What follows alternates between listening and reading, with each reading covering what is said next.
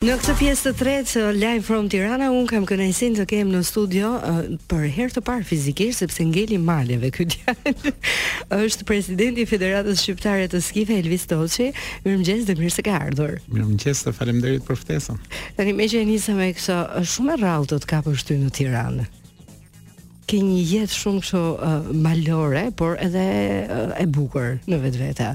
Është e bukur të jesh me natyrën, mm. është e bukur të jesh në male dhe ne jemi bërë si si shqiponja që bredhim në të gjitha kuptimet, edhe në male, po dhe me flamurin shqiptar me vete dhe është shumë e bukur, është vërtet shumë e bukur. Normal, dhe ndihet edhe ky gëzimi dhe entuziazmi dhe krenaria që ke në në të gjithë portretin. Un vërtet vjel një emocion të jashtëzakonshëm, po flas nga ana personale është një emocion i paimagjinueshëm që gjithmonë ti je aty, je në një sfidë shumë të madhe, po përfaqëson diçka më të madhe se vetja jote, që është Shqipëria.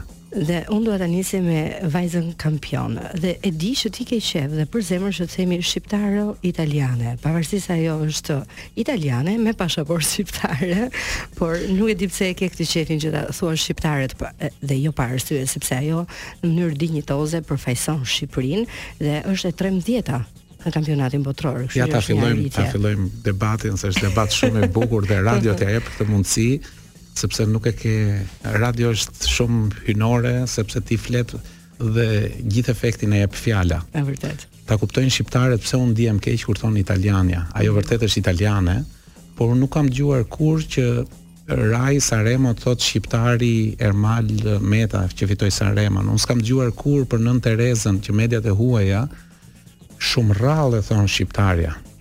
Shumë rrallë kam dëgjuar që Dua Lipën ose ose Rita Orën të përmenden si shqiptare.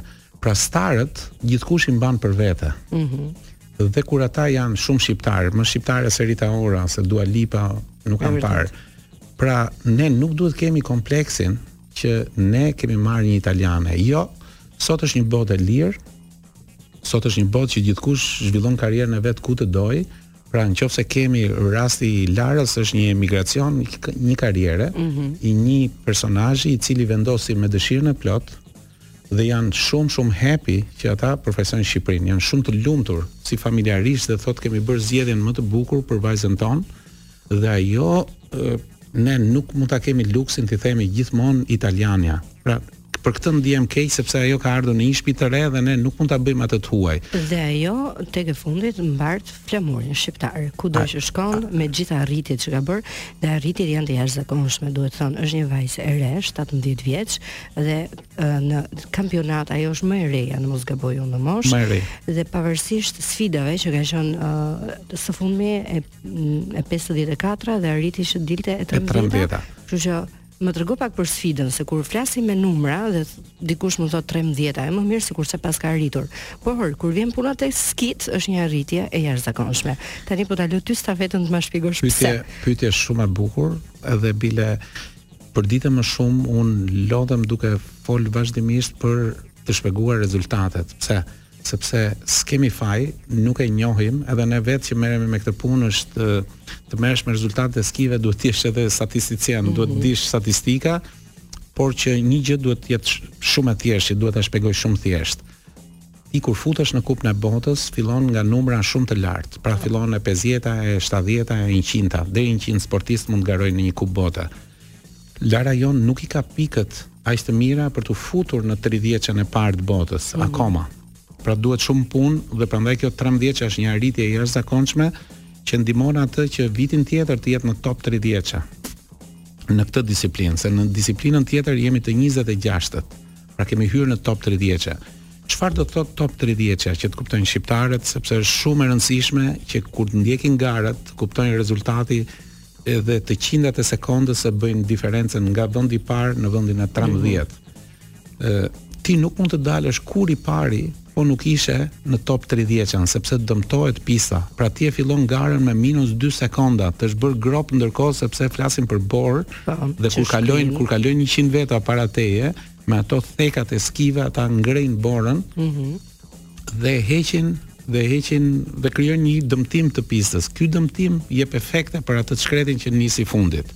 Kështu që imagjinoni Larën tonë të nisur të pesëdhjetë e pestën, me gropa që rrezikon të thyesh këmbët sepse është një është një zhdërvjellësim në ato pengesa që ka përpara dhe që natyrisht vinte nga një dëmtim. Pra ne të parën kësaj radhe kishim dëmtimin, mos na ndodhte ndonjë dëmtim. Pasi pati një kishte edhe një dëmtim. Pati një incident këputi ligamentet në vjet në shkurt.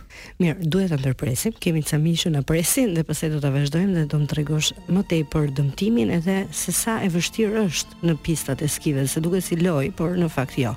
Mirë, unë vazhdoj të jem me Elvisin dhe po flasim për uh, shqiptaren, do të them, Lara Colturi, e cila po na përfaqëson denjësisht në kampionatin botëror të skive. Um, dy turnetë e fundit ishin në Zvicër dhe Austri. Në Austri dhe në Sloveni. Në Sloveni. Dhe si shkoi e gjitha dhe çfarë pritet më pas, pavarësisht se e lamë pak bisedën tek dëmtimi i Larës, edhe te vështirësitë e pistës. Atëherë, është një sfidë shumë e madhe pjesëmarrja në kampionatin botëror. Është një challenge që një një përpjekje e jashtëzakonshme. Ne shohim vetëm rezultatet, por mm -hmm. ne mhm. kemi brenda shumë vuajtje.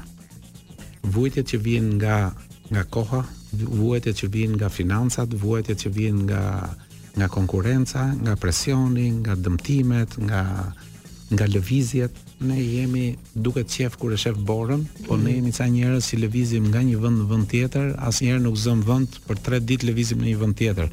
Po të lëvizesh me me makina, me bagazhe, bagazhe të paimagjinueshme.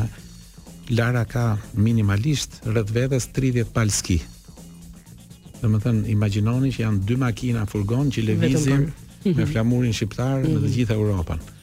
Tani kjo është sfida e parë. Këtë e ka marrë përsipër familja dhe federata, familja sepse dhe nëna dhe babai janë trajnerët e Larës, po. që të kuptohemi. Dhe kjo e ndihmon shumë lëvizjen sepse ata janë një familje që jetojnë, domethënë ata e kanë jetën si endacakët, vazhdojnë dhe jetojnë.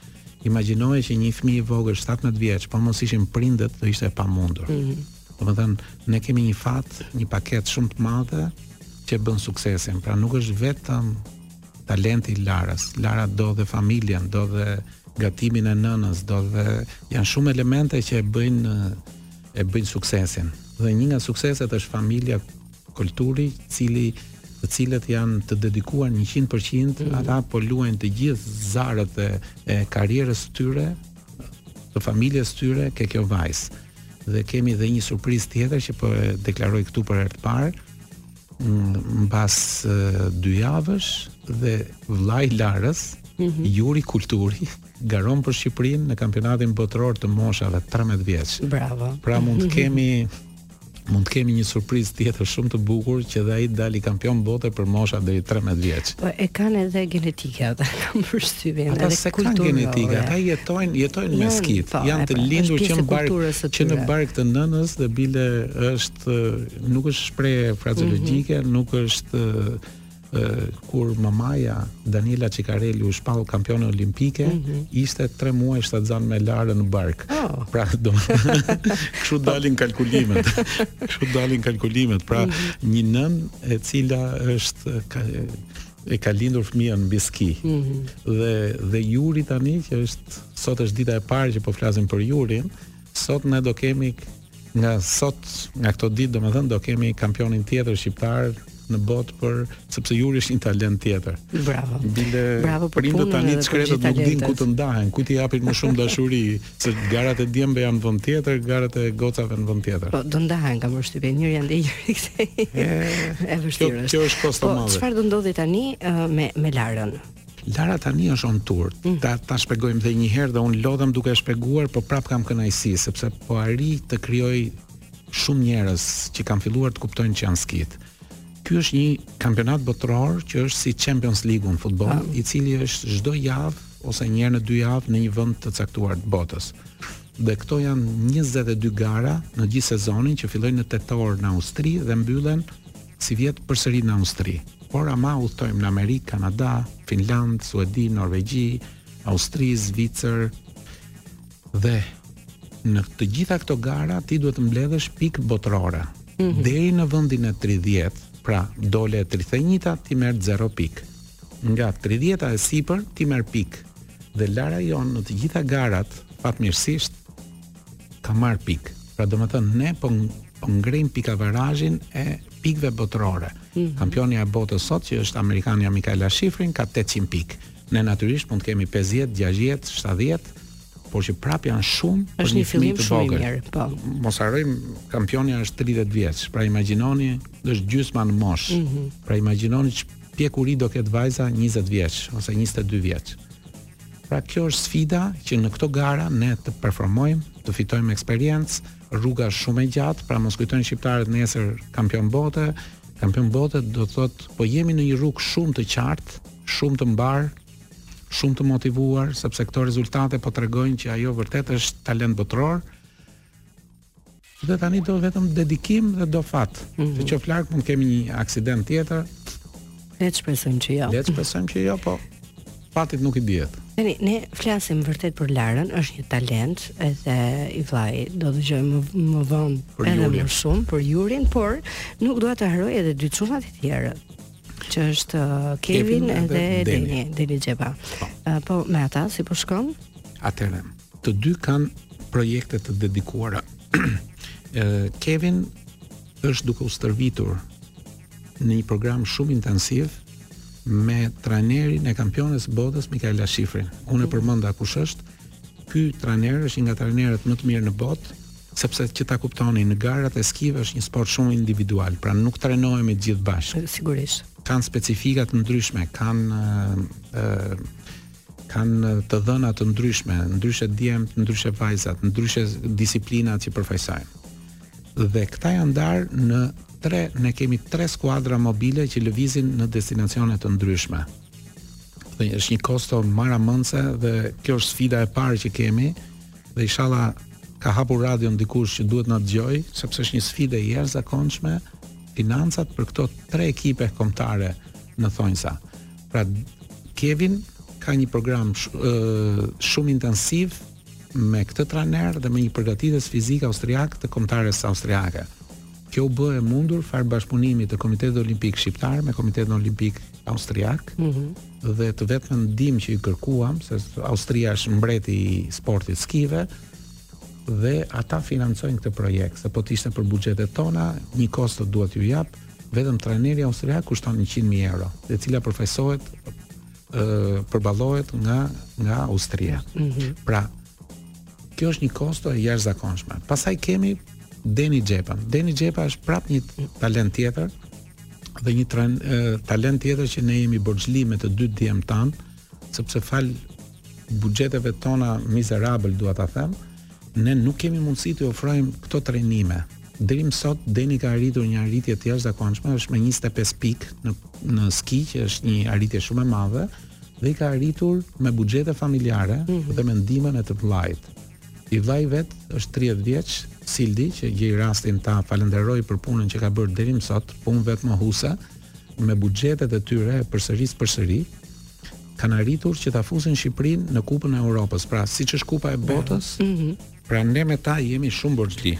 Fati i madh, ne punuam fort, Dhe arriti vjet u bë dhe kampion Ballkan, Ballkani Deni dhe qeveria shqiptare ka një bonus të mrekullueshëm për sa i përket rezultateve. Por deri ke rezultatet duhet punë dhe se si do arrijmë atje këtë këtë nuk i ka dhënë njeri përgjigje. Çfarë po mendoj Alvis, ne nuk e kemi traditë të sportin e skive po them, ndoshta për çështje të kushteve që nuk i kemi të favorizuara, po ku trajnohen këta të rinj kaq të talentuar? Ne kemi pak tradita, nuk është e thënë vetëm vetëm ke skitë. Po. Ne duhet të krijojmë traditat tona. Dhe ku stërviten gjithë vitin. Përveç futbollit, mm. që ne i themi prap traditë, po edhe në futboll që që që erdhën djemt nga nga nga shkollat perëndimore të trajnimit, Sepse kombëtarja jonë, ajo që jep rezultat, është e gjitha e trajnuar jashtë Shqipërie, pra tregon që ne s'kemi kemi mangësi totale për e, edukimin dhe për ngritjen e skuadrave serioze në çdo lloj sporti. Domethënë, këtë e them me bindje sot që e njoh shumë mirë menaxhimin e sportit. ë për skitë. Natyrisht na duhen pista. Kjo nuk është një çështje që mund ta përballojë federata e skive, federata organizon gara, pra nuk është një Normal, nuk, nuk është një nuk është një organizëm i cili është investitor, mm -hmm. natyrisht Lara dhe kjo jehonë që ne bëjmë në botën e skive po sjell emergjente zhvillimin e skive. Dhe skitë janë e përsëris e ripërsëris është turizëm, është para për vendin, është një sporti për mua që sjell më shumë të ardhura për Shqipërinë dhe në këtë prizëm kush na dëgjon duhet të kthejë projektorët sepse është si turizmi bregdetar dhe ai malor janë shumë para që Shqipëria jonë nuk po i vjel. Koha ftohet, bora është në male dhe ne s'marrim asnjë lek. Unë kështu e shoh si dhe kemi mish tani një përmbyllje fare. Prapë uroj që gjërat të ndryshojnë. Unë uroj që të keni suksese siç keni pasur deri tani dhe më vjen keq që duhet të të përcjell, por do të kem kënaqësinë të të kem sërish dhe për të folur edhe për arritjet jo vetëm të Larës, por edhe të djemve, uh, sepse janë vërtet të talentuar.